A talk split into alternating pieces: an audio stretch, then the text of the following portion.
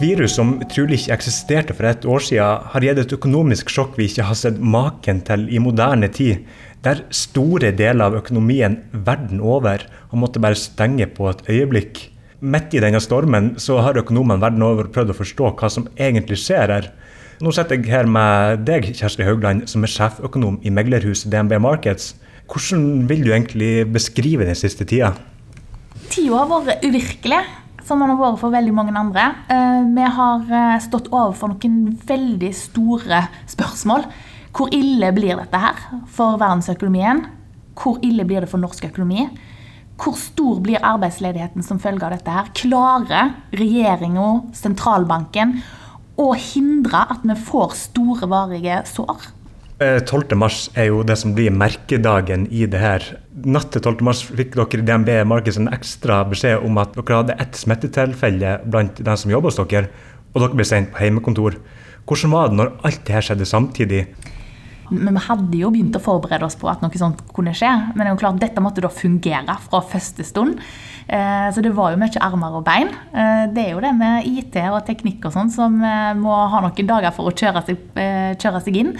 Eh, og samtidig så står vi overfor et veldig stort arbeidspress, selvfølgelig. Fordi eh, det er veldig mange som ønsker å få svar på hva kommer dette her til å bety. Hvor ille blir det? Eh, hva er det verste som kan skje? Eller, og hva er det beste dette her vi kan forvente oss i denne krisa her? Det var blanda med selvfølgelig uro, fordi at en er selvfølgelig òg redd for selve viruset. Vi er jo òg mennesker. Vi lurer på hvor alvorlig er dette her. Det kom jo dramatiske rapporter fra Italia bl.a. som gjorde en bekymra. Og i tillegg så ble jo eh, en arbeidssituasjon som fra før av var veldig intens, eh, ble jo forverra når òg eh, skoler og barnehager ble stengt dagen etter at Norge da bestemte seg for å stenge. Kom du deg ut av morgenkåpa de dagene? Ja, Det var det jeg ikke gjorde. Eh, det var jo sånn at eh, De første dagene var så ekstremt hektiske eh, fra morgen til kveld at jeg faktisk ble sittende i morgenkåpa rundt omkring med den bærbare PC-en min på all verdens plasser i huset. Ei uke etter Norge stengte ned, altså den 19. mars, da kollapsa kronekursen. På ett døgn så gikk den ned 1,50 krone mot både dollar og euro. Hvordan var egentlig det for dere å observere? Det jo føltes litt uvirkelig. En skal jo sånn sett kanskje aldri være eh, overrasket over at uh, en finansiell størrelse som uh, en valutakurs, her i dette tilfellet kronekursen, kan, kan gå veggimellom. Men at en euro skulle koste over 13 kroner der på et tidspunkt i løpet av den verste dagen, det hadde jeg aldri sett for meg på forhånd. Så det sier litt om hvor i ubalanse finansmarkedene var på, på det tidspunktet. Og det var jo nettopp derfor at vi fikk dette helt usedvanlige eh, tiltaket fra sentralbanken, der de faktisk da varsla at eh, de kunne komme til å intervenere i markedet for norske kroner. Og Det er veldig sjelden kost for sentralbanker generelt, men særlig for Norges Bank. De ikke, pleier ikke å være særlig lystne på å drive med sånne intervensjoner. De mener at markedet og kronekursen skal på en måte flyte fritt, og at markedet må klare seg sjøl. Men i dette, denne situasjonen her så var det åpenbart at eh, markedet rett og slett var i ulage og trengte litt hjelp til å stabilisere seg. Og det fikk de faktisk til. Jeg skal ikke si Det var den eneste grunnen til at kronekursen roa seg litt ned eh, og kom ned mot litt mer normale nivåer igjen. Eh, men det var jo definitivt en av faktorene. Den andre tingen Norges Bank har gjort, er jo det at de har tatt store rentekutt. og Det er mellom rentemøtene. Vanligvis så har de jo visse datoer der de tar og kunngjør om de gjør endringer på rente eller ikke. Mens her har de kommet med det her klokka åtte på morgenen med to ukers mellomrom. Dere satt på morgenmøtene da. Hva, hvordan er det når man sitter og diskuterer hva Norges Bank skal gjøre, og man ser at her kjenner meg kjempekutt? Det, det er òg en sånn surrealistisk opplevelse. Det er jo klart det tempoet som alle nyhetene kommer inn i. Og Det gjelder jo ikke bare Norges Bank, men det gjelder òg sentralbanker rundt omkring i verden. Eh, og for så vidt òg finanspolitikken. Det var jo sånn at vi måtte være på alerten hele tida, fordi eh, det kom annonseringer i eh, ja, hele tida, egentlig. Ja, for Under finanskrisa så jobba jo du i Norges Bank, og da tok det jo en del lengre tid før sentralbankene, sentralbanken, ikke bare i Norge, tok og kutta renten. Er dette en viktig lærdom man har tatt med seg videre, at det er viktig å kjøre på hardt med en gang for å få hjulene i gang og stabilisere markedene? Altså, jeg tror For Norges Banks del så er det nok ikke så mye de kan gjøre, bortsett fra nå greip de jo inn i valutamarkedet. Eh, og det var mer sånn direkte. Da klarte de å roe markedene. Men når det gjelder det å roe markedene generelt, altså sånn eh, at det er vanskelig i lånemarkedene, at det er vanskelig i aksjemarkedene f.eks., det klarer nok ikke Norges Bank å gjøre så masse med. Det er det mer den amerikanske sentralbanken, de store aktørene, som klarer å påvirke nettopp den de store markedene. Da.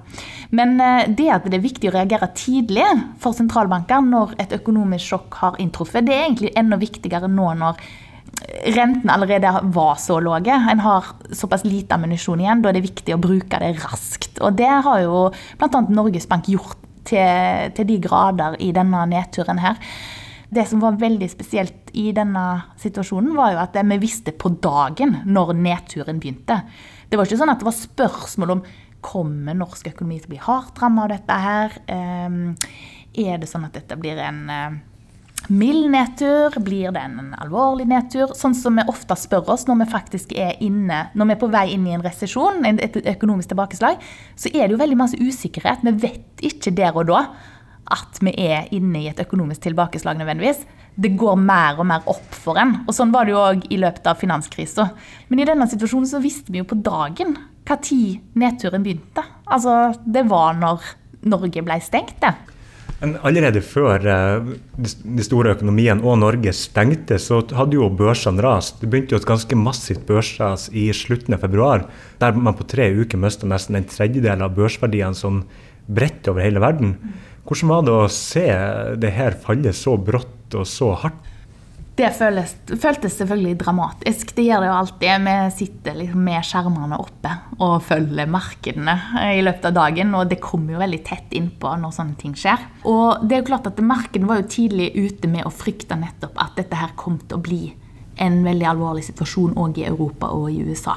Eh, og det var jo det som egentlig ble, eh, var grunnen til at markedene falt på den måten. For selv om Norge ble stengt eh, delvis da, 12. mars, så var det jo sånn at det var mot slutten av februar, altså i andre halvdel av februar, så begynte jo smittetilfellene i Italia virkelig å blusse opp. Og Italia begynte å ta grep. Så selv om vi merka det på kroppen, økonomisk sett, eller og, og, rett og slett praktisk sett, da, 12. mars, eh, så hadde jo dette blitt en veldig alvorlig situasjon for europeisk land, og dette hadde markedet fanga opp mot slutten av februar. Som du er inne på, så reagerer jo aksjemarkedene ofte litt før resten av økonomien. Nå har jo aksjemarkedene hentet seg mye igjen de siste månedene. Er det tegn på at denne krisa nå er på tur å gå over for økonomien? Jeg mener jo det at denne krisa langt fra er over økonomisk sett. Vi har forhåpentligvis eh, det verste bak oss, og vi er nok inne i en fase nå der økonomien henter seg ganske godt inn igjen. Eh, særlig her i Norge. Fordi at tiltakene begynner å lettes på. Men vi kommer jo til å se uh, i løpet av ja, det neste halve året da, uh, at den ledighetsnedgangen kommer til å gå, altså sakke tempoet ganske kraftig. Fordi mange av de permitterte, ikke bare i Norge, men òg i andre land, kommer til å komme tilbake i jobb, har kommet tilbake til jobb. Men òg en del er nødt til å uh, komme til å miste jobbene sine. Det at vi nå er inne i en sånn rask innhentingsfase, det er jo det er jo oppløftende å se nøkkeltall som bekrefter det. Men dessverre så kan vi ikke forvente oss at den opphetingsfasen blir like sterk i det halvåret som kommer. i det hele tatt. Markedene har jo gått eh, som du sier, veldig friskt egentlig siden 23.3, da det snudde. Eh, og det kan virke som markedet kanskje priser inn at dette her skal komme veldig raskt opp igjen. og at den skal være nærmest tilbake på normalen i løpet av neste år. Og det, det synet deler jeg i så fall ikke. Så skal det også si at disse enorme sentralbanktiltakene, og nå tenker jeg mest på de store sentralbankene som Federal Reserve i USA og ECB i eurosonen, og Japan for den saks skyld, eh, der de kjøper kjøper vanvittige mengder av eh, verdipapirer eh, og viser vilje til å gripe inn eh, ved markedsuro, ja, det er, fører òg til en slags sånn følelse i markedet av at hvis det blir dårligere enn det vi ser for oss nå, så kommer sentralbanken til å trø til med nye tiltak og hjelpe sånn sett å holde oppe verdien på verdipapirer. da. Men for Norges del så har det jo vært en dobbeltsmell med den generelle økonomiske nedturen og oljeprisen. Fordi at Midt i koronakrisen så har man jo etterspurt mindre olje. Samtidig så har det jo vært eh, oljepriskrig i OPEC pluss. Der man på et punkt så det at amerikansk olje, altså ikke den norske, der oljeprodusenter måtte betale for å bli kvitt olje. Var det her noe man kunne tenke seg at var mulig? Eh, nok et eh, tidspunkt der, der det føltes veldig veldig uvirkelig. Ja. Da oljeprisen ja, på, på, amerikansk olje gikk i minus. Det var, hadde jeg aldri sett for meg at kom til å skje. Eh, det tror jeg de færreste hadde. De ekstreme utslagene vi har sett både for kronekursen og oljeprisen og, og mange andre markeder òg, det gjenspeiler jo den helt ekstreme situasjonen det har vært i økonomien. At vi, det er veldig mange ting vi ikke har vært vitne til tidligere. Og da får vi òg sånne voldsomme utslag. Nå har vi jo kommet oss tilbake igjen, et godt stykke iallfall. Um, så det at norsk økonomi i begynnelsen, så var, det, så var vi redde for at det, dette nettopp at vi blir utsatt for uh, effekten av uh, nettopp våre egne smitteverntiltak. Og òg andre land sine smitteverntiltak, som da gir dårligere etterspørsel inn til norske eksportører. Og i tillegg får smellen på oljeprisen og det føltes jo særlig da, eh, overhengende når oljeprisen var så svak som han var på det, var det, på det svakeste. Eh, ja, det, det ga jo grunn til å frykte at Norge kom til å bli ramma uforholdsmessig hardt da, i forhold til andre land. Samtidig så visste vi det at eh, en tredjedel av alle ansatte i Norge jobber i offentlig sektor. De følte seg nok aldri utrygge på jobbene sine. Vi visste at det var rause kompensasjonsordninger i denne situasjonen her, og for de som ble permitterte. Så det var en del som talte for at eh, norsk økonomi sånn sett eh, lå bedre an enn andre land. Og akkurat nå kan det jo se ut til at nettopp disse her eh, fordelene som norsk økonomi har, da, i form av den eh, større jobbtryggheten og eh, godt eh, utbredt velferdssystem, da, har gjort denne akuttfasen mindre ille. Da. Han har vært veldig ille, men han har vært mindre ille enn i andre land. Nå har oljeprisen kommet seg et stykke opp, og så har næring òg fått noen skattepakker som de da òg eh, bidrar til at fall i oljeinvesteringene ikke blir så store som vi så for oss i akuttfasen her. Men det er jo klart det at eh, oljenedturen var allerede på gang, og den kommer jo til å bli forsterka antageligvis eh, med mindre oljeprisen stiger, videre. En av deres viktigste oppgaver i DNB Markets er jo å gi råd til kundene deres og som du snakker om nå, så har jo oljeprisen beveget seg veldig mye, både, opp, både ned og nå i det siste opp. Samtidig som kronekursen er jo helt, virker helt umulig å spå. Og så har du smittetallene oppå det hele, som jo er ganske langt utafor det økonomer til vanligvis ser på. Hvordan er det egentlig å prøve å forstå økonomien midt i det her?